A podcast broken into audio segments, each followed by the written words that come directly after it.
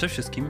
E, dzisiejszym moim gościem będzie Mateusz Ostafil. E, Mateusz jest mentorem, liderem, e, no i generalnie już pracuje też trochę w tej branży i chcieliśmy dzisiaj właśnie pogadać o takich rzeczach związanych z mentoringiem, nauczaniem i, i generalnie takimi tematami. Właśnie Mateusz, może też powiesz coś od siebie Cześć, dzięki za, za wprowadzenie.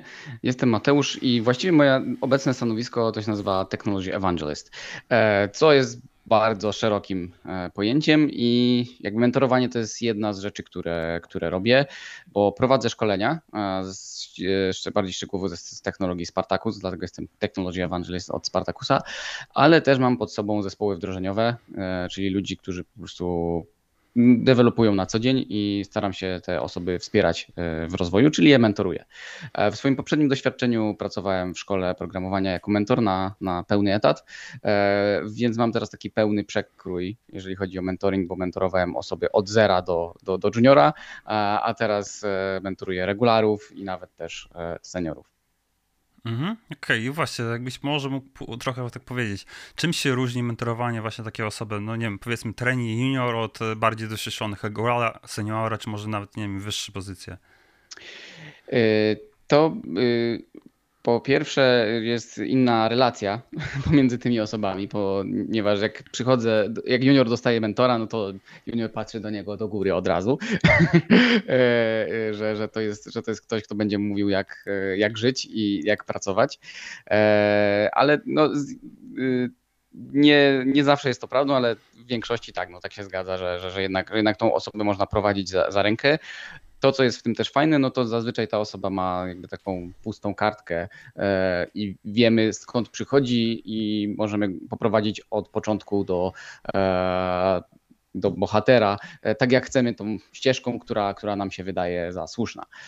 W przypadku już bardziej doświadczonych ludzi, no to to jest trochę trudniejsze według mnie, bo mm, nie znamy historii dokładnie tych, tych, tych ludzi. Niektórzy y, w w pewnych, e, w pewnych e, kwestiach są bardziej doświadczeni, w innych mniej. Na przykład w przypadku frontendowców, no to niektórzy frontendowcy przychodzą do tego e, z dochodzą do, do, do, do fontu na przykład z backendu, to była na przykład moja ścieżka, że, że przyszedłem z tego backgroundu bardziej takiego programistycznego, backendowego, a niektórzy to są designerzy, którzy zajawili się bardziej programowaniem. Są na przykład super w CSS-y, ale z JavaScriptem to tak u nich średnio i czasem mają jakieś, czasem mają jakieś braki, więc tutaj w przymentorowaniu tych starszych osób, starszych, bardziej doświadczonych, no to wymaga to wybadania, na jakim ktoś jest poziomie, gdzie, gdzie ktoś właściwie jest, gdzie ma braki, gdzie trzeba go wesprzeć. I jest jeszcze jedna rzecz, która jest tutaj wyzwaniem, że nie zawsze ja jako mentor wiem coś lepiej, więc e, przy juniorze no to zazwyczaj się to sprawdza, że, że, że, że wiemy coś lepiej, bo mamy to większe doświadczenie, ale gdy pracujemy z kimś, kto jest na podobnym poziomie, no to tutaj już trzeba się trochę nagimnastykować, bo to, nie, to na, na 100% nie będzie taka czysta nauka, że kogoś, komuś mówimy, co jak zrobić, tylko bardziej staramy się go wesprzeć, jak on sam mógłby się e, rozwijać dalej. Mhm, Okej, okay, to ja mam trochę inne doświadczenia. Czy mi osobiście e, większe, większy problem sprawia wytłumaczenie coś właśnie do jakichś osób trainee junior? W ogóle, czy jakiś czas temu e, jakby zrozumiałem tą różnicę, znaczy jakbym miał powiedzmy tak powiedzieć największą różnicę pomiędzy juniorem a jakimś e, regularem czy seniorem, to jest taki, że junior potrzebuje powiedzmy instrukcji po, krok po kroku, co ma zrobić, tak? To musisz dokładnie powiedzieć, jakieś przykłady podać i tak dalej, nie? Z regularem czy z seniorem już możesz pracować na, na zasadzie, e, wiesz co, e, zrób coś takiego, albo mniej więcej obgadasz rozwiązanie, on sobie pogłówkuje i, i to wykmini. No, z, z juniorem czegoś takiego nie możesz. Mhm. Aczkolwiek e, wydaje mi się, że ta moja trudność się bierze z tego, że już no, trochę pracuję w IT. E, mam też powiedzmy no, dużo wiedzy specjalistyczną. Mi ciężej jest sobie, powiedzmy wytłumaczyć te takie podstawy, nie? One są dla mnie na tyle oczywiste, że muszę się pogłówkować, ale dobra, jak, jak to wytłumaczyć, nie? Bo to jest na takim mm -hmm. na zasadzie, jakbyś miał 2 plus 2 i teraz wytłumaczyć, dlaczego 2 plus 2 to się równa 4 i jeszcze, mm -hmm. jeszcze w prosty sposób, nie? Po prostu coś mm -hmm. dla mhm. ciebie jest oczywiste, ale już tak dawno po prostu tam to było, że ja tego nie pamiętam. Mhm. Być może to też wynika z tego, że ty pracujesz stricte w projektach, i, mhm. i, pracujesz z tymi ludźmi i musisz im pomóc, żeby dowieźli jakąś wartość, jakieś, jakieś, jakieś zadania. A ja mam tak, że ja nie pracuję do końca, że pomagam im czasem w jakichś, jak, jakichś, jakichś taskach, ale nie moim celem, moim celem nie jest dowiezienie projektu, tylko bardziej skupiam się na ich rozwoju. Więc mam takie trochę luźniejsze podejście do tego, więc się zastanawiam po prostu, jak mu pomóc się czegoś nauczyć, e, a nie jak dowieść dane, e, dane zadanie. Mhm. Yy, no, no inne po, prostu pozycje, tak? Inny jakby mhm. zakres odpowiedzialności. Yy, I tutaj faktycznie to możesz właśnie dla jakichś osób po prostu bardziej wskazać kierunek, nie? No bo podejrzewam, że one nie przychodzą do ciebie z jakimś e, czysto technicznym zadaniem, jak rozwiązać, tylko e, nie wiem, podrzuć jakieś pomysły prawdopodobnie albo coś w tym stylu, nie? Jakiś kierunek na przykład rozwoju, nie? Tak, tak. Chociaż też zdarza się, jakby to jest, co lubię w swojej pracy, że y, mam pod sobą ludzi, którzy pracują w różnych projektach i przychodzą do mnie z jakimiś problemami i ja nie wiem nic o projekcie na przykład i ktoś się mnie pyta, że mam taki i taki i taki problem. E, I to, co ja robię, to właściwie no, technicznie im za bardzo nie pomagam, tylko pomagam mi się jakby skupić i zastanowić się, gdzie, gdzie znaleźć jakby przyczynę problemu i problemy oni rozwiązują sami. E, więc tak to u mnie wygląda i chyba nie podałem o tym, że, że często też tak, takie konsultacje prowadzę dla, e, dla klientów, e, że mają, klient ma swój zespół i, i, prowadzi jakieś wdrożenie i czasem potrzebuje się ze mną skonsultować też właśnie zadają pytania, e, na które ja nie znam odpowiedzi, ale jakoś mi się udaje im pomagać. Mhm, okej, okay, to, to fajnie, że się udaje mm, znaleźć odpowiedzi. Yy, znaczy, potrafię sobie wyobrazić, że takie powiedzmy, mm, o ile powiedzmy z jakichś technicznych rzeczy, to myślę, że to jest ok, ale już na przykład z architektonicznych to raczej mentoring trochę. Yy, czy, czy może inaczej, czy zdarzało ci się na przykład właśnie, że ktoś do ciebie przychodził z jakimiś problemami architektycznymi z architektury, czy tylko bardziej jakieś takie techniczne? Yy, zdarzało się i.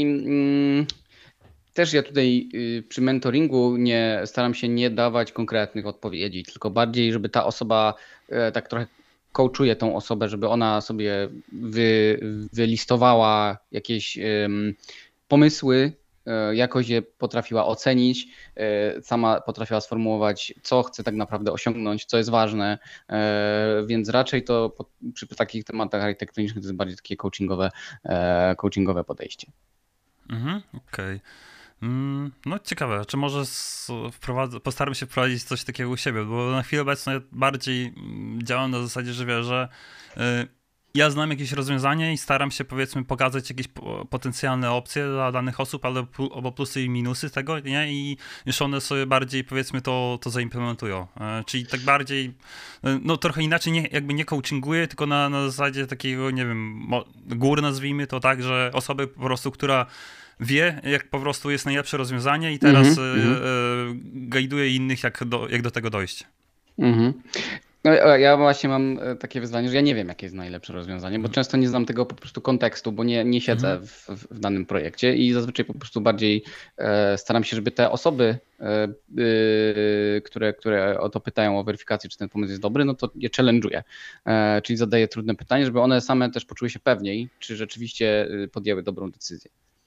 Mhm, okej, okay, no fajne podejście. Znaczy w ogóle taki coaching, mam wrażenie, że mało, e, mało się o tym mówi, mało się tego uczy, nie? No bo mm, tak, tak. naprawdę lider dobrze, żeby takie rzeczy umiał, ale do tej pory jeszcze chyba nie spotkałem się, żeby jakikolwiek lider umiał na przykład coachować innych, nie? No, jeżeli mhm. już to jest chyba właśnie bardziej na zasadzie to, co ja teraz robię, tak, że jest osoba super doświadczona, ona wie, jakie będzie najlepsze rozwiązanie i stara się jakby, nie wiem, kogoś albo przekonać do tego, albo pokazać drogę, jak do tego dojść. Mhm.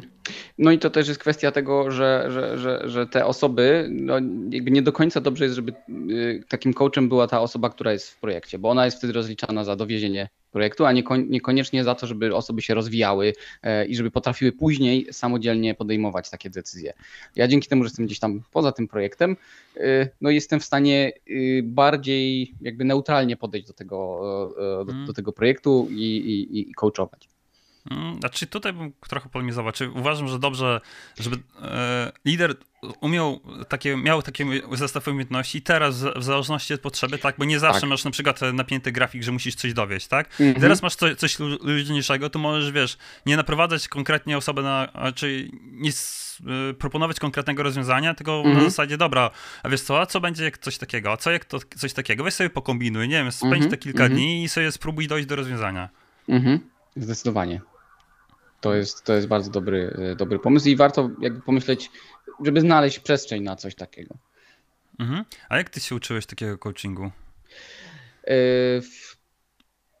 Hmm, to jest dłuższa historia, ale miałem, miałem takie, miałem kursy, ale jakby zaczynałem od samego tego, że e, jeszcze na studiach e, byłem wolontariuszem w Akademii Przyszłości e, i zaczynałem od tak naprawdę od, od, od, małych dzieci. I tam już miałem pierwsze kursy takiego mentoringu, tak naprawdę tam się to nazywało tutor, ale to właściwie był mentoring, że jak wspierać te dzieci w, w rozwoju. I też to właśnie fajne było podejście, że tam nie było nastawienia na to, że odrabiamy lekcje z dzieciakami, tylko staramy się je zmotywować, żeby, one chciały to same robić, e, żeby widziały wartość w tym, e, w nauce i w rozwoju.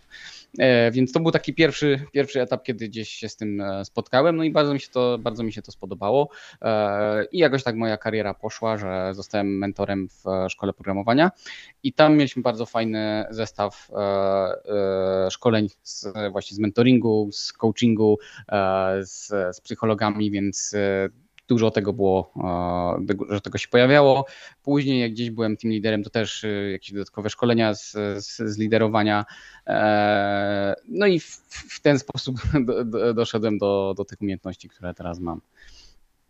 Mhm, fajnie. Właśnie, znaczy, mm, mi trochę brakuje tego, mm, może zastosowania takiej psychologii, czy trochę powiązania, nie? No bo jakiś czas temu był taki hype na rozwój osobisty i się wszyscy na to rzucali i doszło do, do takiego momentu, że to no, było overhype takie, nie? Mm -hmm, za dużo było takiego, du e, znaczy problem jest taki też powiedzmy z psychologią rozwojem osobistym, że ciężko zweryfikować tę wiedzę i ciężko zweryfikować te osoby, które powiedzmy tę wiedzę mają. Tak. I to chyba, i przez to chyba, że się zrobił ten hype, to no, to było taki powiedzmy aż wylało się takie dziecko z kąpielą, nie? Przez to. Mm -hmm, też yy, zwrócę uwagę na to, że użyłeś właśnie tego stwierdzenia rozwój osobisty. E, I w przypadku, jak ktoś chce być, jakby rozwój osobisty to jest nastawienie właśnie na, na siebie, na swój własny rozwój i też jakby rozwijanie tych umiejętności miękkich i tak dalej. E, ale mentorowi, jako mentorowi zależy nie na własnym rozwoju, tylko na rozwoju jakby drugiej osoby. E, więc y, to jest y, taka lekka różnica właśnie, właśnie z tym, że był hype na te psychologiczne rzeczy, ale takie nastawione na, na siebie. A takiego hype'u e, wydaje mi się, że na to, na to, żeby jak innych prowadzić e, e, w taki mentoringowy sposób, to tego jeszcze nie było. E, tak, no i e, no trochę tego brakuje, bo fajnie by było właśnie, tak jak mówię, nie? że osoby już takich na stanowiskach liderskich, żeby miały takie kompetencje. Yy, ostatni czas, jakiś czas tam było na szkoleniu właśnie dla liderów yy, i to było szkole, szkolenie z Botagi, no, no i super, nie? I też tam yy, ta osoba, która prowadziła też na przykład polecała, żebyś sobie na, na psychoterapię. Nie, nie, nie pod takim nawet względem, że ty masz jakieś problemy, znaczy prawdopodobnie każdy ma jakieś po prostu mm -hmm. problemy do, do, do przepracowania, nie? Ale to nie jest na tyle, no mm, powiedzmy, to jest trochę tam w Polsce tabu, tak? Że ty idzie gdzieś tam na psychoterapię, a to na pewno coś się z tobą nie tak i, i, i tak mhm. dalej.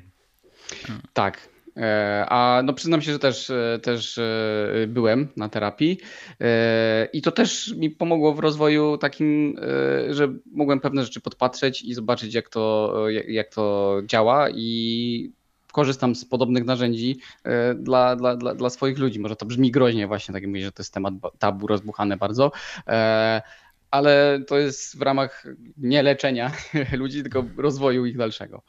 Mhm. Tak, no ja też się, znaczy psychologii się interesuję od kilkunastu lat, już nie pamiętam dokładnie ilu.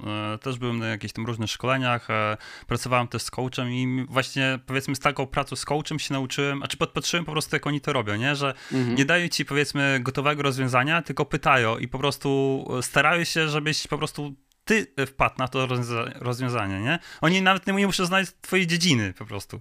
Dokładnie. Dokładnie. To jest coś niesamowitego, co jakby wydaje mi się, że e, właśnie w naszej branży, w IT dużo ludzi jest przed tym e, taka zamknięta. E, dużo programistów, że jak mam pójść do gościa, który się nie zna technicznie na tym, co ja robię i on ma mi pomóc. nie, nie, ciężko jest to sobie takie, ta, takim ludziom wyobrazić. Zresztą też jakby na początku kariery też to było dla mnie takie, wydawało się taką bzdurą, że to przecież niemożliwe, że, że po prostu ktoś bardziej doświadczony i powie, jak coś zrobić, a to nie do końca tak jest. Mhm. No tak, ale no, tak jak wcześniej powiedziałem, wydaje mi się, że to dużo e, jeszcze dużo złego zrobiło ten hype na powiedzmy ten rozwój osobisty, bo wtedy ta, ta rola takiego coacha no się mm, powiedzmy stała taka e, no, umniejszona, jakby nazwijmy -hmm. to, nie? Czy taka no. Karykaturalna. Tak, tak, nie? No I teraz wiesz, e, bo to trzeba rozróżnić, nie? No bo tych coachów się zrobiło teraz bardzo dużo. Nie ma powiedzmy weryfikacji tego, nie? No bo mm -hmm. zarówno psychologów, i, czy u psychologów to chyba jest, bo oni tam muszą zdać egzamin, czy, czy coś takiego jest. U coachu robi, u, w, przypadku, w przypadku coacha, z tego co kojarzę, to robisz kurs i to na tym się kończy, nie? I, mm -hmm. I, generalnie teraz wiesz, no możesz trafić do osoby, która zrobiła ten kurs, powiedzmy, no nie wiem, tak trochę na, na kolanie, czy temu do kogo, tak? A możesz pójść do kogoś, kto ma, nie wiem, 20 lat doświadczenia w tym i to są zupełnie inne sytuacje. Tak, dokładnie. Hmm? Okej, okay, dobra, jeszcze e, wiesz co, jeszcze tak bym poruszył trochę temat odnośnie właśnie mentorowania z trochę innej strony. E, jakiś czas temu e, widziałem fajne... Mm, taki fajny, wykres na jednym z, z, wideo, później go wrzucimy tutaj i on właśnie pokazywał różnicę mm, jakby w nauczaniu. Czy to, to co ja trochę wcześniej mówiłem, że prowadzili badania e, w firmie i im wyszło, że najlepiej powiedzmy e, najbardziej efektywne jest nauczanie w e, dwa levele w dół, nie? Czyli na przykład ja jestem seniorem, to ja nauczę regulara i nauczę juniora. Jestem jakimś tam leadem, to nauczę seniora i nauczę regulara i, i tak dalej, nie? I im, mhm. bo to, to, to, się trochę odnosi do tego, co wcześniej mówiłem, nie? Bo im wyżej po prostu jesteś, to już nie pamiętasz, jak było na początku i masz po prostu mhm. problem z przypomnieniem sobie tych rzeczy.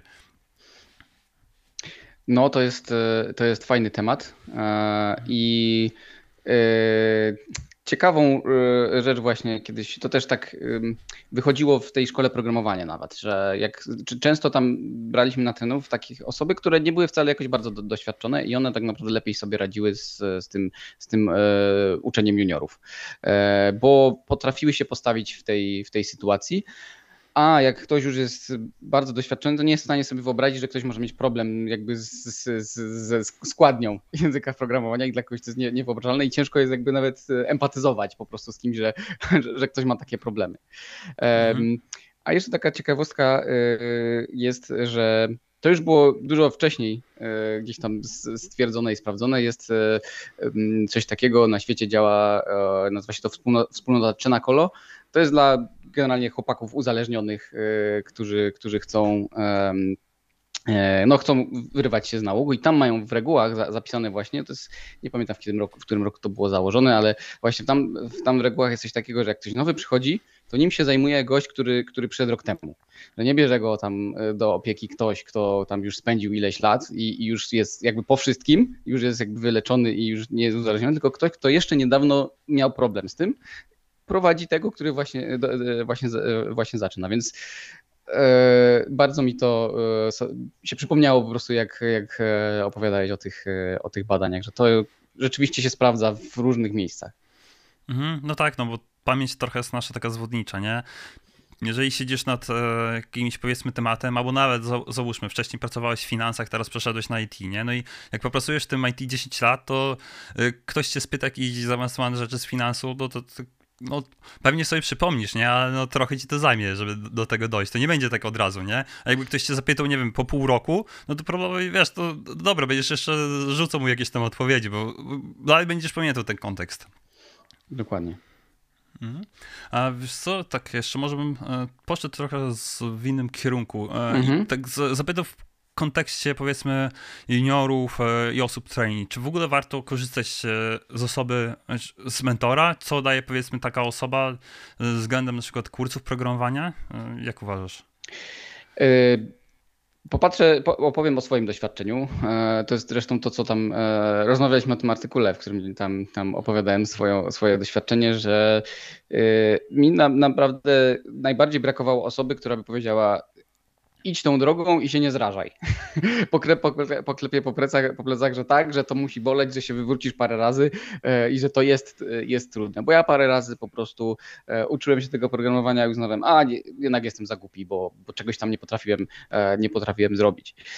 Albo też jest dużo takie memy się pojawiają, że tam jakieś dziecko z, nadgryziony, z wieloma nadgryzionymi jabłkami i podpisane, że ja uczący się języków programowania, że też jest dużo takich osób, że okej, okay, z tym językiem mi się nie udało, no to pójdę do innego i tak skaczą z jednego języka na drugi i ścierają się po prostu z tą, sam, z tą samą ścianą.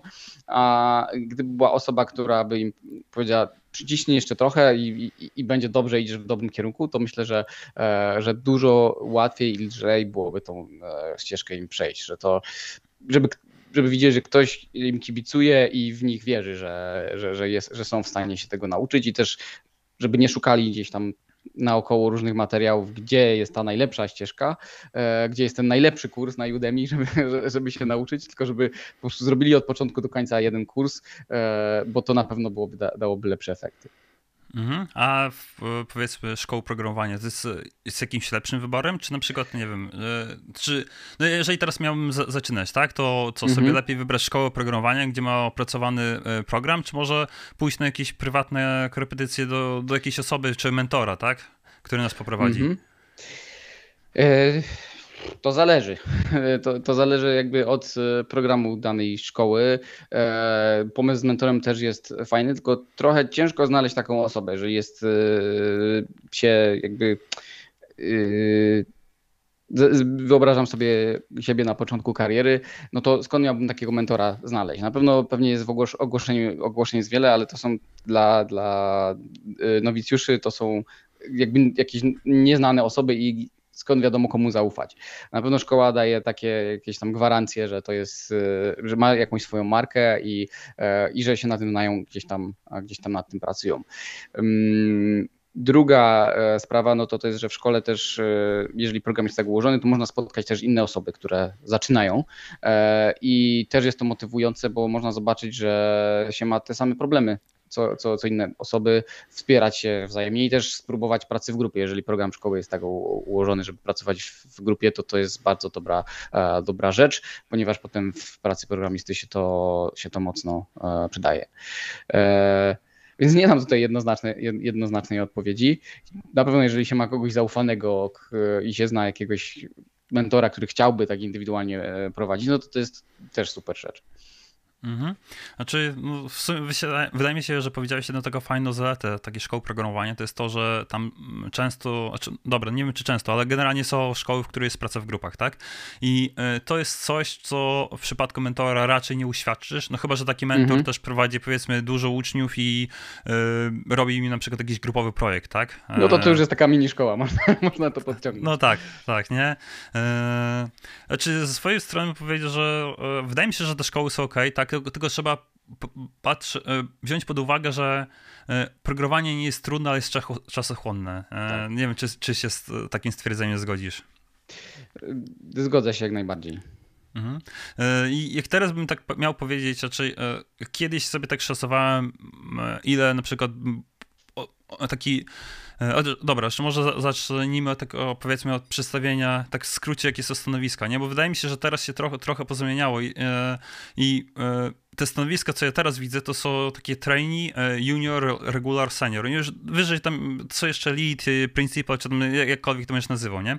Ale skupmy się na tych, powiedzmy, początkowych, bo kiedyś było coś takiego, że ten junior to był takim E, obecnie trainee to jest junior, nie? Junior to już jest powiedzmy osoba z rocznym, dwurocznym komercyjnym doświadczeniem, mhm. a trainee to jest taka osoba, która no, nie ma jeszcze doświadczenia i trzeba ją wyszkolić. E, I problem z takimi osobami, nawet z juniorami jest, e, że oni się zwracają po, nie wiem, iluś miesiącach, dopiero, prawie czasem roku nawet, nie? Nawet mhm. junior, nie? On dopiero zaczyna zarabiać powiedzmy po jakimś roku, bo on jeszcze nawet nie wie, jak do końca jakieś rzeczy robić, nie? Bo yy, to już nawet nie chodzi o powiedzmy o czas juniora, tylko chodzi o czas e, osób, które go uczą, nie? Bo teraz jakiś e, inny programista musi mu coś pokazać, spędzić czas i tak dalej. Dopiero jak ten junior staje się powiedzmy na granicy regulara, no to firma tak naprawdę już teraz zaczyna zarabiać, nie? Więc jest duża powiedzmy inwestycja. Gdzieś tak powiedzmy od takiego trainee do juniora, może dopiero po trzech latach, powiedzmy, ktoś się zaczyna uczyć, to myślę, że tak firma może po nim zarobić.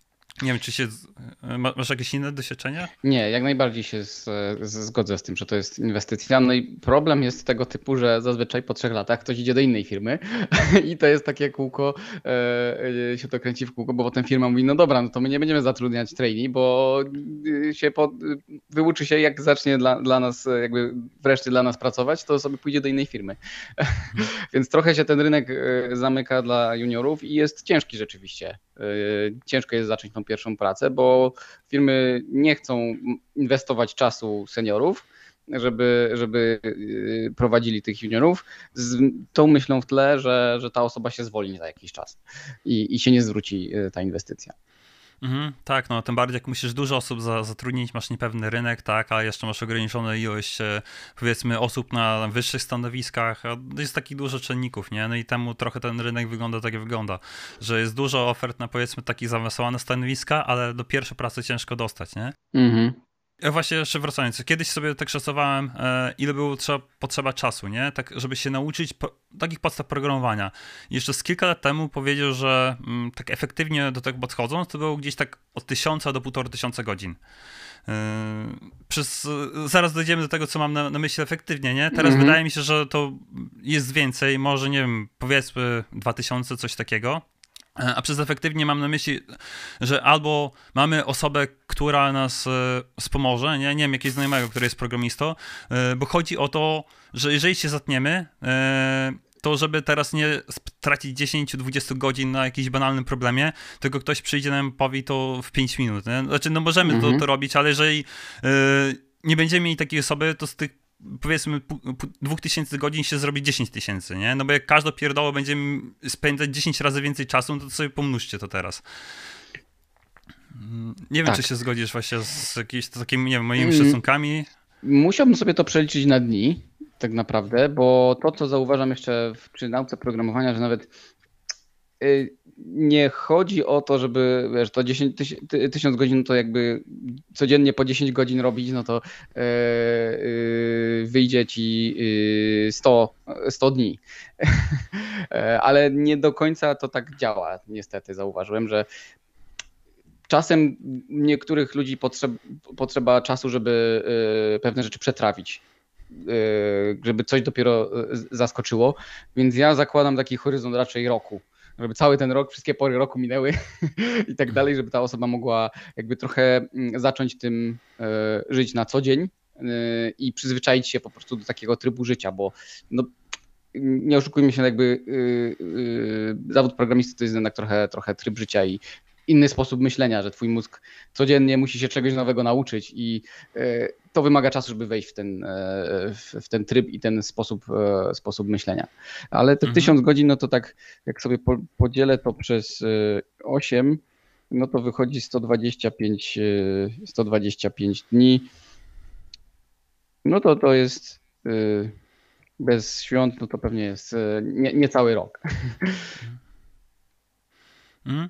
No, znaczy, wiesz, w zależności jeszcze od osoby, nie? No wiadomo, tak. jedna osoba będzie się uczyła szybciej, inna e, jakby dłużej. Kiedyś znalazłem jakiś artykuł, że e, tam ktoś właśnie opisywał, że tylko od zera tam chyba zajął około półtora tysiąca godzin sobie wyliczał. Mhm. E, Kiedyś się co właśnie też wyliczałem, ja w trzy miesiące zrobiłem mm, tak naprawdę pierwszy projekt komercyjny, e, także wtedy pracowałem no, bardzo dużo, nie? Bo ja pracowałem 7 dni tygodniu, średnio pewnie jest 12-14 godzin dziennie. Mhm. E, no, no i także już miałem za sobą jakby studia, nie? Więc miałem jakby mhm. powiedzmy taką podstawę trochę teoretyczną, e, miałem jakieś tam podstawy programowania i tak dalej, więc dużo łatwiej po prostu było mi się nauczyć jakichś tam rzeczy typowo takich komercyjnych. Właśnie, bo jeszcze tak wracając, nie? Bo mm, też przy nauce programowania jest ważna regularność, nie? No bo za, załóżmy, nawet powiedzmy ta osoba będzie spędzić 1000 czy 2000 godzin, ale jeżeli to będzie na przykład e, co poniedziałek ja będę siedział 14 godzin, no to to nie będzie, to nie jest efektywne, nie? No bo ty za, ty za tydzień czy za dwa tygodnie, do tego usiądziesz, to połowę tego czasu sobie przypomnij, spędzisz na przypominaniu gdzie skończyłeś. Nie? Więc tutaj jest bardzo ważne regularne, żeby chociaż, y, no nie powiedzmy no 8 godzin dziennie, ale chociaż tam, nie wiem, godzinę, dwie dziennie, albo co dwa dni chociaż, nie? Żeby po prostu cały czas być tym za, zanurzonym. To mhm. jest jeden, jeden czynnik, a drugi to, co powiedziałeś, nie? Żeby też przestawić siebie na taki tryb właśnie uczenia, nie? Bo y, jak myślę teraz, to wydaje mi się, że to jest najważniejszy chyba czynnik, nie? No bo Właśnie te uczenie się, nie? Bo to generalnie programowanie nie jest trudne. Tam na przykład matematyka to jest na poziomie tabliczki mnożenia większości projektów. To, to nie jest skomplikowane, nie? Tylko, że po prostu tego jest dużo i, yy, i powiedzmy ten zakres wiedzy cały czas się poszerza, więc to, co dzisiejsza osoba powiedzmy musi umieć, prawdopodobnie osoba za 5 lat będzie musiała umieć jeszcze więcej. Tak, zgadzam się w 100%.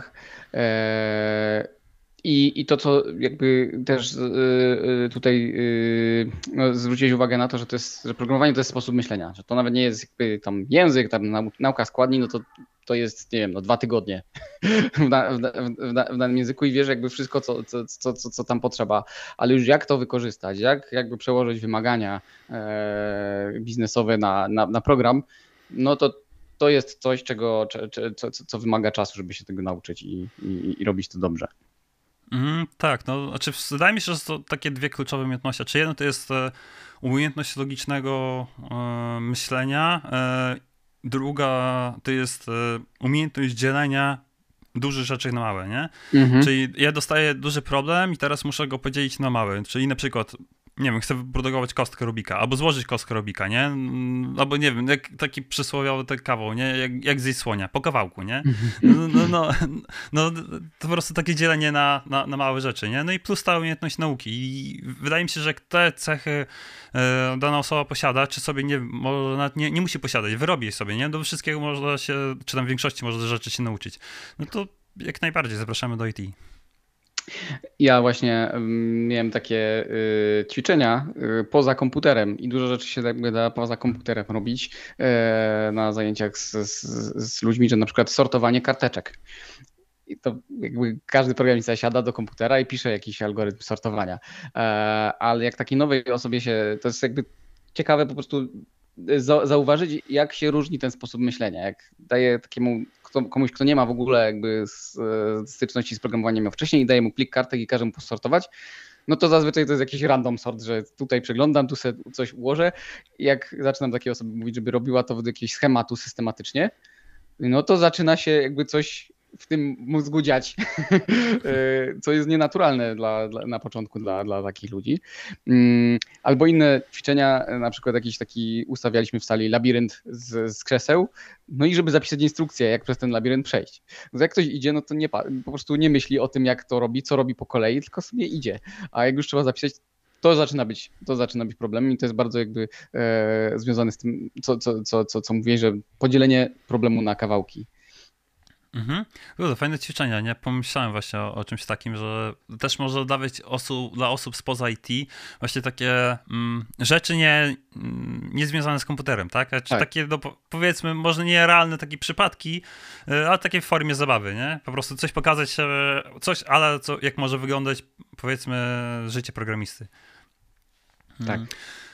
E, a jak uważasz, to, e, jak są osoby na przykład, spo, e, właśnie ktoś przychodzi z jakiejś innej branży, nie? Mm, to niekoniecznie taka osoba musi to, to, jest minus, nie? No bo mhm. teraz załóżmy, ktoś pracował w finansach, nie? No to ma dużo wiedzy o tych finansach i on mhm. może to teraz wykorzystać. On może pracował z klientem, nie? Więc ma powiedzmy lepiej rozwinięte umiejętności miękkie i to też będzie du duży plus. A wydaje mi się, że dużo osób, powiedzmy, przychodzących do IT nie, e, nie patrzy, albo może nie wie o takich rzeczach i e, nie wie, że powiedzmy ma, ma plusy pracując gdzieś indziej. Mhm.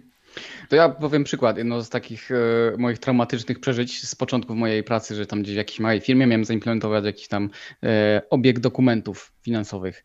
E, no i jakby nie bardzo wiedziałem o co chodzi, jak to, jak to ma wyglądać. E, jeszcze wtedy nie za bardzo wiedziałem, co to jest faktura e, na początku samego mojego, mo, mojej, mojej przygody.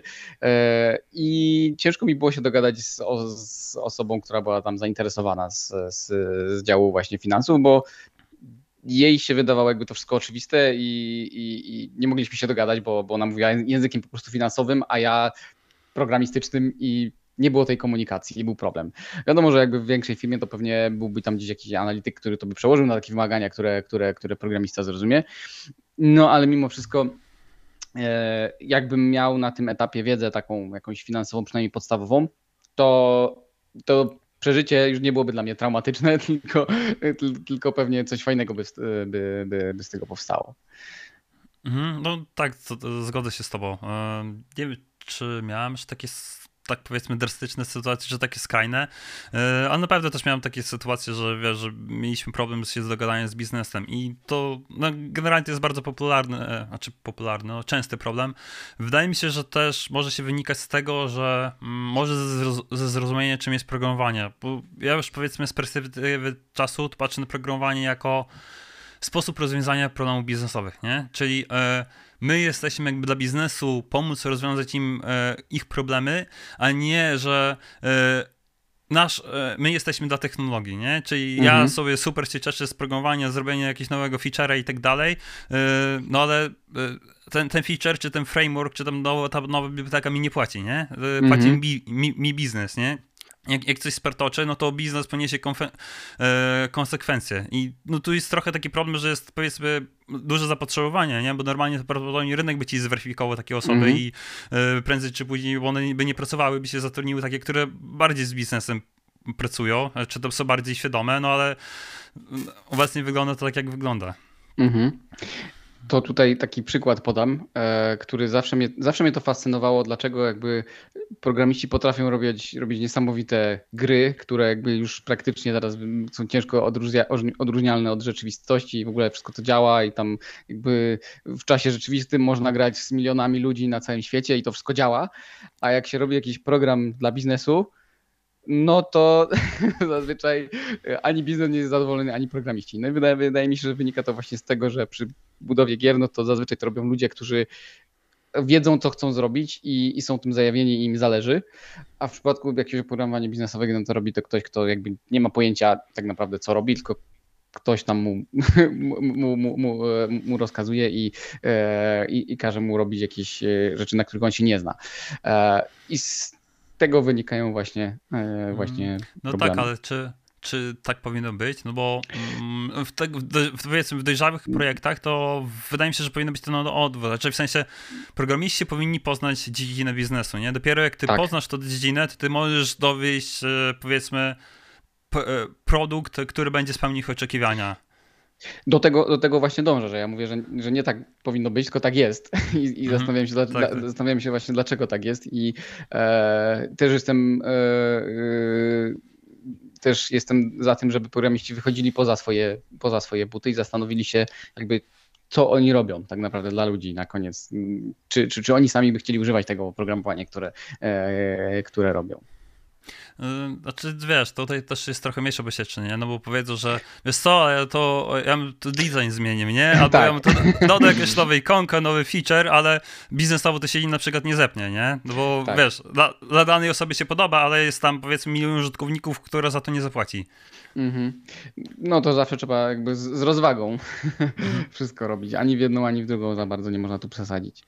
Mhm, dokładnie. Jeszcze właśnie tak wracając powiedzmy do osób, które e, wchodzą na rynek, nie? E, to ja może coś takiego, nie wiem czy się ze mną zgodzisz, nie? Ale e, radził, załóżmy, że ktoś pracował w finansach i się tak teraz przebranżowić, nie?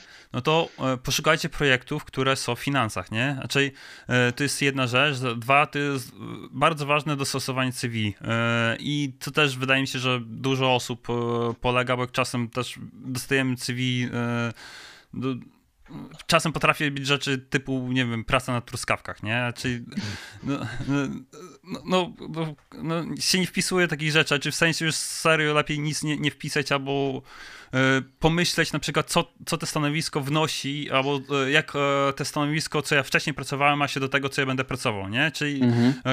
przykład moje, mojego współlokatora, on kiedyś pracował w Volvo na tam generalnie rysował jakieś e, wykresy i coś takiego, nie? Robił dokumentację.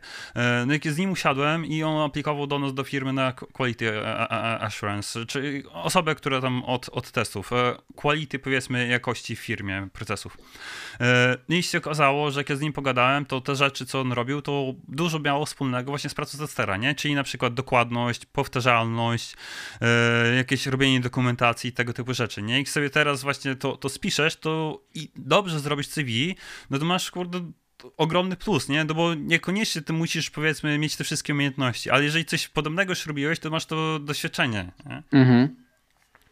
Tak, e, wspominam dobrze, jak e, pracowaliśmy w szkole programowania i pomagaliśmy też tym ludziom znajdywać pierwsze prace. I jak ktoś miał e, doświadczenie z finansów, które podawałeś jako przykład, to od razu do, do, do, do, do jakichś banków. I rzeczywiście banki chętniej przyjmowały takich, takie, takie osoby. Mhm. Tak, to ja kiedyś byłem też na rekrutacji w banku i jedno z pierwszych pytań to dostałem to, na czym zarabia bank. Nie? Y, więc, y, no, znaczy uważam, że to też jest sensowne pytanie, nie? Czy w sensie, no, też uczy, znaczy weryfikuje, czy te osoby myślą bardziej biznesowo, czy są takie bardziej, a idę sobie się pobawić w nowym frameworku. Mhm. A właśnie, bo tak, e, IT to też jest nie tylko programowanie. Mm, znaczy, no powiedzmy, programista to jest e, programista i tester, nie? To chyba są takie najbardziej popularne zawody. E, no ale tych pozycji tak naprawdę jest e, multum. Jeżeli ktoś jest właśnie zainteresowany, to bym polecał sobie zrobić research, bo może się okazać, że na przykład programowanie nam nie podpasuje, no ale podpasuje bardziej role jakieś menedżerskie, nie? No, e, jest bardzo dużo ról jakichś project managerów, e, product managerów, e, analityków biznesowych, scrum masterów, czyli takie no, osoby bardziej powiedzmy łączące trochę kompetencje miękkie z kompetencjami technicznymi, przy czym te kompetencje techniczne są raczej bardziej powiedzmy dodatkiem czy bardziej zrozumieniem branży niż, niż faktycznymi takimi umiejętnościami technicznymi. Mhm. I, I, może ktoś właśnie wchodzi sobie do tego, to warto sobie zrobić taki research. E, jest też cała odrębna dziedzina przykład machine learningu i tam też jest po prostu od groma pozycji, jakiś blockchain i tak dalej. No generalnie powiedzmy, e, tak ogólnie mówiąc, to IT to nie jest tylko oprogramowanie i testowanie. Tak, yy, zgodzę się, ale jakby no jest to taki gdzieś tam temat dyskusyjny ostatnio. Sam nie mam jakiegoś sprecyzowanego, to pewnie zależy stricte od projektu, ale ktoś to wrzucał chyba, nie wiem, czy to nie, nie był e, Elon Musk, nie chcę skłamać, ale że, że, że, że gdzieś tam w jakiejś firmie było, było wymaganie, że, że, że project manager powinien mieć e, doświadczenie e, techniczne, programistyczne i spotkałem się z projektami, gdzie byłoby to jakby wartościowe, ale też spotkałem się z projektami, gdzie byłoby to szkodliwe, bo to też zależy od project managera, żeby project manager nie powinien programiście mówić, jak co ma robić. Ale z drugiej strony jakby taki proces e, wytwarzania oprogramowania, żeby rozumiał jakby jakie są problemy związane z, z, z programowaniem i że e, pewnych rzeczy się nie da przyspieszyć, e, no to też jest jakby ważna umiejętność e, e u, u project managera. Więc tyle mógłbym tutaj dodać, że to jest zniuansowane trochę, e, gdzie, gdzie mhm. są potrzebne te, te, te, te umiejętności techniczne, a gdzie nie. E, tak, raczej do, tak jak mówisz, nie? potrafię sobie wyobrazić, że są firmy, które na przykład wymagają takich umiejętności, no bo po prostu projekt może tego wymagać. No szczególnie to chyba jest w tych big tech, tak? Po prostu Apple, Facebook i tak dalej. No to u nich wydaje mi się, że właśnie takie osoby są muszą programować, tak? To nie ma czegoś takiego, że one tam, tam nie muszą, ale to jest po prostu, to, no, to są bardzo powiedzmy specyficzne firmy. No, e, zdecydowanie w większości e, firm nie wygląda praca tak, jak wygląda w tych e, top, tych mm -hmm. powiedzmy big tech. Wygląda zupełnie inaczej, szczególnie w jakiejś powiedzmy, nie wiem, też jest, o właśnie, spora różnica, bo załóżmy, czy pracujesz w firmie produktowej, czy pracujesz na przykład w software house, czy, czy w startupie, nie? Bo to też będzie powiedzmy zupełnie inaczej ta praca wyglądała. E, w startupie będziesz miał coś takiego, że e, dużo obowiązków, dużo odpowiedzialności e, i niekoniecznie powiedzmy programowanie będzie twoją jedyną rzeczą, bo będziesz musiał rozmawiać i z biznesem, i analizować wymagania, spisywać wymagania, robić dokumentację. W, w firmie produktowej, no to będziesz się skupiał na produkcie, tak, a w softhouse na relacji z klientem i na dowiezieniu tego, co chce klient. Mhm. No miałem, y, mogę się pochwalić, że miałem doświadczenia w pracy w różnych typach, typach firm i właśnie był i startup, i było nawet NGO, i, i, i, i corpo, i teraz software house, więc e, rzeczywiście to jest zupełnie inna, e, inna perspektywa pracy. Mhm. E, tak, no i też e, właśnie dobrze sobie zdawać z tego sprawę, nie? Mm, trzeba fajnie się załapać gdzieś, nie? Ale też sobie dobrze generalnie pomyśleć, kim ja chcę być za ileś lat, nie? Czy gdzie się mhm. widzę. Za te powiedzmy 2, 3, 5 lat. E, to, to, nie, to niekoniecznie musi być, nie wiem, dla, dla, kogoś nie wiadomo co, ale sobie, jeżeli o tym sobie pomyślisz, no to yy, przynajmniej wiesz, gdzieś chcesz dojść, albo przynajmniej dojdziesz mniej więcej, gdzie, gdzie chcesz dojść, nie? Bo jak tego nie ustawisz, to powiedzmy yy, i tak gdzieś dojdziesz, ale nie będziesz wiedział gdzie. Mhm. No też miałem takie właśnie rekrutacje często, że y, nie, nie, nie lubię czegoś takiego, bo, bo, też zdarza mi się, że rekrutuję i, i, i, i rekrutuję ludzi i często pada pytanie, nawet nie z moich ust, tylko z, z kogoś od HR-u, y, jakby czy znasz firmę jakby co, nawet nie chodzi o to y, głupie pytanie, które się, z którego się wszyscy śmieją, że gdzie się widzisz za 5 lat, ale jakby czego szukasz w pracy. I często ludzie nie potrafią tego powiedzieć, jakby, że albo, albo widziałem ogłoszenie i, i, i się zgłosiłem. albo mhm. często pytają, albo dobre widełki. To jest jakby dla mnie słaba odpowiedź, bo nie widzę motywacji y, w tej osoby. Odpowiedzi, która mi się podoba. Na przykład mm, ja teraz pracuję w Divante, który jest, e, która się skupia na e-commerce. No i jakby ktoś przyszedł i powiedział, że albo interesuje się sklepami internetowymi i, i, chciałbym to robić, albo że gdzieś tam kiedyś robiłem sklep internetowy, potem gdzieś tam robiłem coś innego, a teraz chciałbym do tego wrócić, no to to jest jakby sensowna, e, sensowna odpowiedź, e, która pokazuje prawdziwą motywację i że ktoś się zastanawia nad tym, co chciałby tak naprawdę robić w tym IT, bo to jest, e, tak jak mówię, bardzo szerokie. Mhm, do, dokładnie, no bo później raczej E, postawcie się powiedzmy po drugiej stronie barykady, tak? I teraz e, dostajecie taką, e, ma, macie firmę, czy zatrudniacie osobę, która do was przychodzi, wiecie co, ja zaaplikowałem, bo macie fajne widełki, nie? No i co sobie teraz takie rekrutery myśli? inna firma da 200 zł więcej, no on tu pójdzie, nie? To mhm. po, po, po, co mam, po co mam w niego inwestować, nie? I już takim powiedzmy raz, że pewnie było ciężko się powiedzmy przebić przez to, żeby w ogóle pójść na rozmowę, tak? I teraz ktoś przychodzi na tę rozmowę, jeszcze sobie strzela jakby w stopę, nie? Mm-hmm. To tak naprawdę. A można tu odpowiedzieć w ogóle no, na, na milion innych sposobów, tak jak mówisz, nie? No nie wiem, lubię sklepy internetowe, tak? Albo nie wiem, chociażby nawet nie lubisz, sklepy internetowe wyda- wydaje mi się fajną opcją, nie? Zawsze, no nie wiem, chciałem założyć, albo myślałem o tym biznesie, albo chciałem zobaczyć, jak to wygląda od, od podszewki. I to jest w ogóle zupełnie inna osoba niż tak, odpowiedź niż powiedzenie, że ja chcę tam pracować, bo, bo, bo chcę mieć kasę, nie? Mhm. I ja też jak oceniam ludzi i potem jakby, nawet jeżeli taka osoba jest dobra technicznie, no to mam mieszane uczucia. Czy, w sensie taka osoba, która, która przyszła tylko po kasę, że to mam mieszane uczucia, że no to będzie taki y, wyrobnik, który gdzieś tam ucieknie, jak tylko się zmieni, y, gdzieś tam pojawi się lepsza, y, lepsza oferta. Mhm, tak, no, no to jest duży problem, tak jak wspominaliśmy, nie? że dla firm to się po kilku latach dopiero taki pracownik zwraca i to jest właśnie duży problem w przypadku o, tych mało doświadczonych osób, nie? więc jak ktoś sobie plikuje, no to o, ja bym radził w ogóle sobie e, albo pójść na testowe jakieś e, rozmowy, kilka może rozmów, ale przede wszystkim sobie pomyśleć, jakie pytania oni mogą zadać e, i, mhm. i przygotować sobie potencjalne odpowiedzi, nie? Bo no to wiadomo, wszystkiego się nie, nie przemyśli, a to żeby czegoś takiego nie było, że właśnie ktoś e, pyta, dlaczego chce u nas, u nas pan pracować, czy pani pracować i teraz ktoś się przez 5 minut zastanawia, nie? No bo to też będzie głupio wyglądało. Bo chce pracować po prostu. tak. No, Więc warto znaczy... zrobić research na, na temat tego, co robi firma, czym, czy, czy, czym, czym się zajmuje, e, żeby też nawet może taki research spowodować, że zdecyduję, że nie chcę aplikować tam, bo, bo, bo, bo, coś mi się tam nie podoba. Więc sama oferta, która się gdzieś tam pojawia na portalach z, z ofertami, no to, no to to nie jest wszystko. Mhm. Tak, no można też zrobić, e, znaczy na przykład posłuchać osoby pracujące w danej firmie, e, spróbować je zaczepić gdzieś tam na Facebooku, LinkedInie czy, czy gdziekolwiek, zapytać o opinię, jak się pracuje, tak, jak jest kultura pracy. E, często teraz firmy robią jakieś na przykład kanały na YouTubie, można po, jakieś filmiki, na przykład jak się pracuje, omawiają, nie? I generalnie, znaczy ja uważam, że powinno się nie aplikować masowo, mm, mhm. no bo no to, to nie jest dobre podejście, nie? Lepiej powiedzmy sobie wybrać 10-20 firm, do których chce się zaaplikować, e, poczytać o nich, zrobić CV pod każdą firmę konkretnie, no bo teraz powiedzmy CV do banku będzie inaczej wyglądało niż CV do firmy samochodowej, no bo no chociażby to powiedzmy wyróżnić, czy tam do, do House'a na przykład, nie? No bo inne rzeczy się wpisuje, nawet jak ja kiedyś robi, e, czy już od dawna nie aplikowałem, ale jak kiedy ostatnio aplikowałem, no to też robiłem per firma te CV, nie? Nawet tam jakieś mhm. drobne rzeczy zmieniałem, ale to zawsze były powiedzmy powiedzmy zmiany.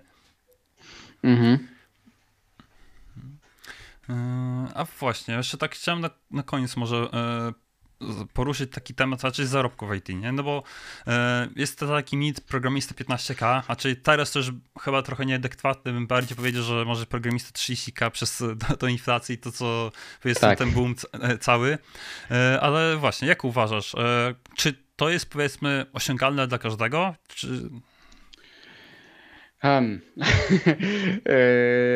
ja tak szczerze mówiąc nie lubię, nie lubię rozmawiać o pieniądzach. Wydaje mi się, że dla każdego, no dla każdego, mm, no właśnie, chyba nie, tak sobie właśnie myślę, że chyba nie, bo dużo jest, bo już przy tych wyższych y, y, jakby stanowiskach i tych wyższych stawkach dochodzi właśnie e, ta praca z ludźmi, E, praca z klientem, nawet jeżeli ktoś jest bardziej techniczny idzie w stronę architektury, to i tak musi bizneso, biznesowo rozmawiać z, z, z kimś i e, już wydaje mi się, że taki takiego, padł mit takiego seniora programisty, który siedzi w piwnicy i se po prostu kodzi. E, to niestety tak nie, nie działa w projektach, przynajmniej w tych, co ja, co, co, co, co, co ja spotkałem, więc jeżeli ktoś się zamyka na to, żeby pracować z ludźmi, E, i, i, i rozmawiać i w pewnym momencie trochę mniej kodzić, a mniej kodzić niż na, na pełen etat, no to jeżeli ktoś, ktoś jest na to zamknięty, no to raczej może nie osiągnąć takich, takich zarobków, o których, o których wspominałeś. Mhm. Czy to ja ze swojej strony powiedział, że powiedzmy pozycja regulara to jest osiągalna w miarę dla każdego. Tak.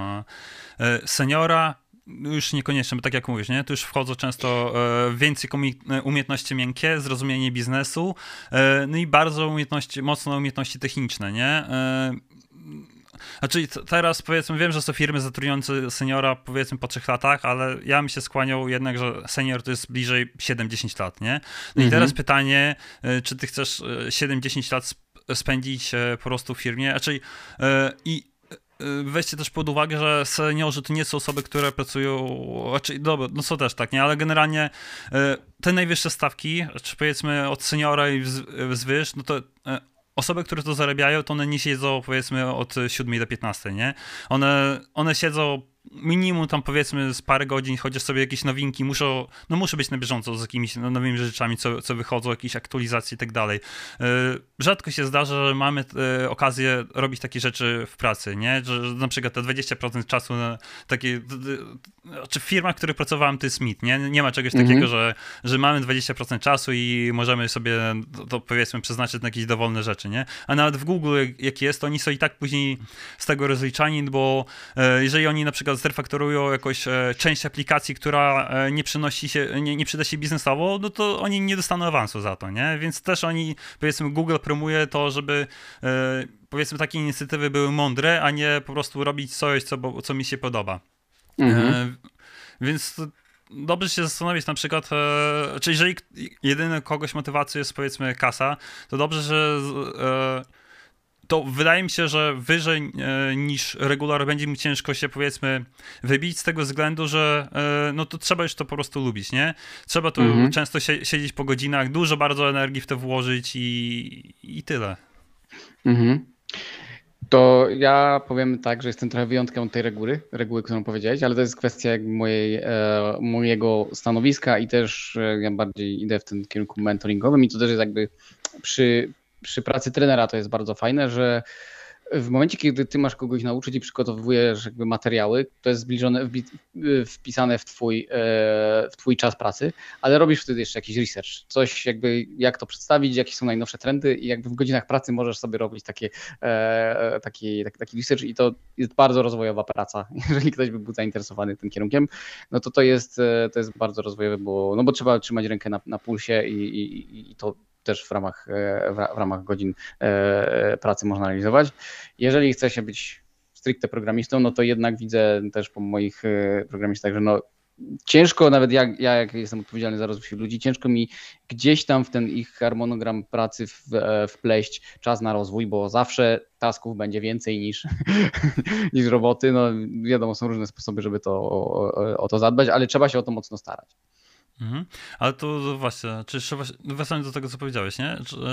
Bo e, czy powiedzmy, siedzi coś po, po pracy, raczej, e, czy tylko powiedzmy robisz to, co w pracy, czy e, jak to u was wygląda? Um, jakby to... Yy nie mam takiego ustrukturyzowanego tego, że siedzę gdzieś po pracy, wiadomo, że jestem jakby zainteresowany tematem, gdzieś cały czas sobie coś, coś, coś, coś czytam, nawet samo to, że jak mam wolną chwilę, to nad tym myślę, jakby jak, jak, jak coś zrealizować, e, ale przyznam się szczerze, jestem na takim etapie życia, że mam dwójkę małych dzieci i, i, i każdą wolną chwilę raczej, raczej, raczej spędzam e, z nimi. Mm, no i moje stanowisko w pracy jest takie, że nie mam jakby takich stałych obowiązków, jakby trochę sam sobie jestem szefem, bo jestem tym technology evangelist, więc jakby gdzieś tam działam na styku właśnie mentoringu, sprzedaży, e, marketingu, więc czasem robię jakieś materiały marketingowe, ale jakby ja sam de decyduję, kiedy to robię i, i, i co robię. Jeżeli gdzieś tam wybadam, że ok, jest jakiś nowy trend i warto byłoby go zbadać, no to to jest w ramach moich, moich, e, moich obowiązków. E, mhm. Ale no to jest takie jakby specyficzne stanowisko i coraz więcej się tego pojawia i to co jest ciekawe, że właśnie takie technology evangelist, developer, advocate e, albo developer experience engineer czy coś takiego, takie rzeczy się, się, się, pojawiają i to jest bardzo jakby dla mnie super sprawa, e, bo, bo wtedy jesteś takim deweloperem, który jakby nie dewelopuje na, na, na, na e, no, na co dzień, ale cały czas jesteś w tej technicznej sferze i wyszukujesz jakby nowe trendy, promujesz je w firmie, więc no, polecam. Mhm. Mhm. No brzmi fajnie. Znaczy jeszcze może trochę sprostuję swoją wypowiedź, bo to co mówiłem, to jakbym odniósł się stricte do takich umiejętności technicznych, nie? Na przykład, mhm. czy, za, za, e, czyli programista na przykład, nie? No bo po, e, w przypadku programisty jest e, no niestety bardzo dużo wiedzy, e, to cały czas dochodzą nowe mm -hmm. rzeczy. No jeżeli chce się być dobrym, czy tam no, no bardzo dobrym, no to y, nie da się, znaczy nie jest wystarczający czas tego w pracy, po prostu. Tak, no. tak. To zresztą jakby trochę może, może, może tutaj zmyliłem, bo jak yy, opowiadam o sytuacji, którą mam teraz z tym doświadczeniem, które mam, ale jak wspominam swoje czasy z, z, z początków, no to rzeczywiście tak było, że jakby praca to wracałem, wracałem po pracy i wieczorem coś tam kodziłem sam, e, sam, sam, dla siebie i to dzień w dzień. E, I ten. Znajomi żona się ze mnie śmiali, że co ja tam robię, a ja mówię, że po prostu lubię się uczyć nowych rzeczy.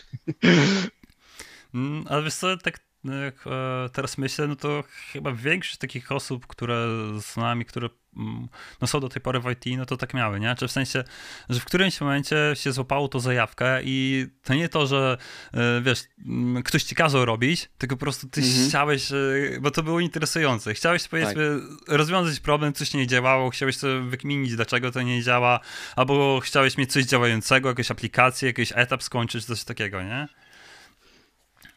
I to jest chyba takie. E, no, bez tego wydaje mi się, że ciężko będzie przetrwać w IT, nie? No bo, bo to jest norma, nie? I e, zaraz sobie wyobraźcie sytuację, że e, coś wam nie działa, nie? E, a ja mam takich sytuacji do kurde multum, nie? A jeszcze macie sytuację, że coś nie działa, coś pozmieniacie, wrócicie do stanu, w który był początkowo i nagle działa, nie?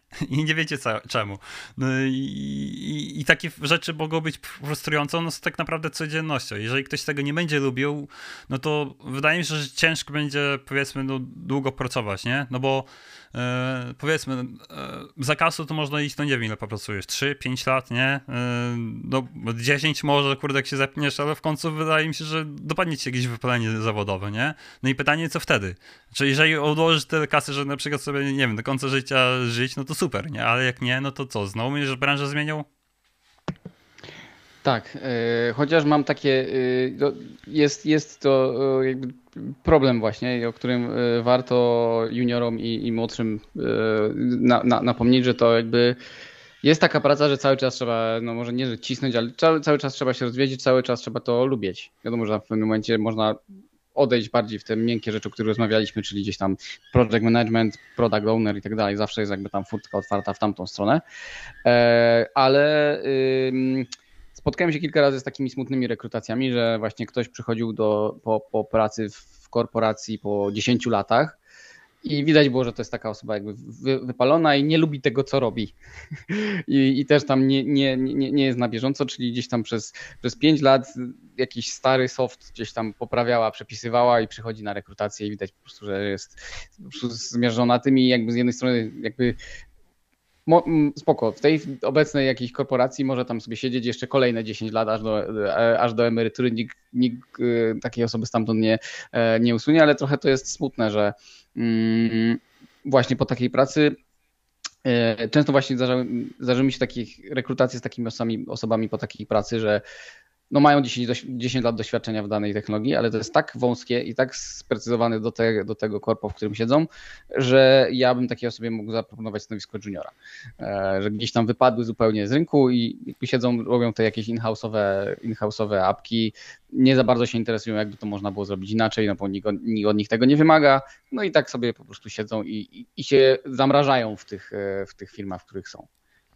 Mm, tak, no to też jest właśnie takie, mm, nie wiem czy często, no ale zdarza się, zdarzają się takie właśnie osoby, nie? że tak jak powiedziałeś, siedziały ślad w jednej firmie, się nie rozwijały yy, i no, no, no, niestety, nie, no jak nic, ileś lat się nie rozwijałeś, rynek się zupełnie zmienił, na przykład próbowałeś w niszowym języku, teraz ten język wy, wypadł, tak, no i no, no niestety, no przy, przychodząc na inne stanowisko, no to no należy się powiedzmy liczyć z tym, że będziesz miał prawdopodobnie niższe, znaczy no in, niższe stanowisko dostaniesz, no bo już nie masz tak. powiedzmy tej wiedzy. No mhm. chyba, że nadrobisz jakimiś innymi kompetencjami, na przykład miękkimi, zarządzaniem mhm. zespołem i tak dalej, y, coś ten deseń, albo mhm. mm, bo teraz, okej, okay, mówimy też powiedzmy o tym rozwoju takim, że trzeba masę czasu. Tak, trzeba masę czasu, ale jest powiedzmy taki zestaw podstawowych e, rzeczy, które jak już się nauczysz, na przykład tam wzorce projektowe, architektoniczne i tak dalej, to one są niezależne od języka i mhm. no, mm, także do, zajmuje powiedzmy te, nie wiem, z 10 albo kilkanaście lat, żeby dojść do takiego momentu, że dla ciebie to jest naturalne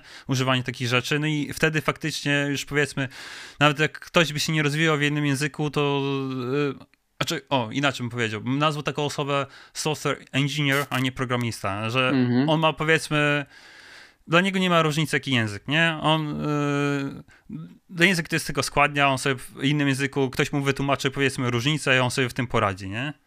Mhm. Ale no, trochę czasu potrzeba, żeby do tego poziomu dojść, nie?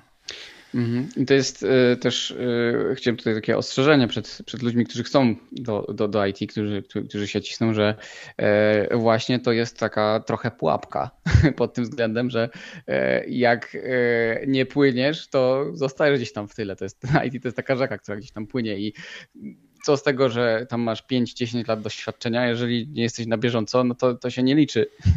Na rekrutacji sprawdzają cię, jakbyś był, no wiadomo, że trochę inaczej wygląda rekrutacja na, na, na seniora, ale wszystko cię sprawdzają i ci yy, powiedzą, ile jesteś wart w tym, yy, w tym momencie.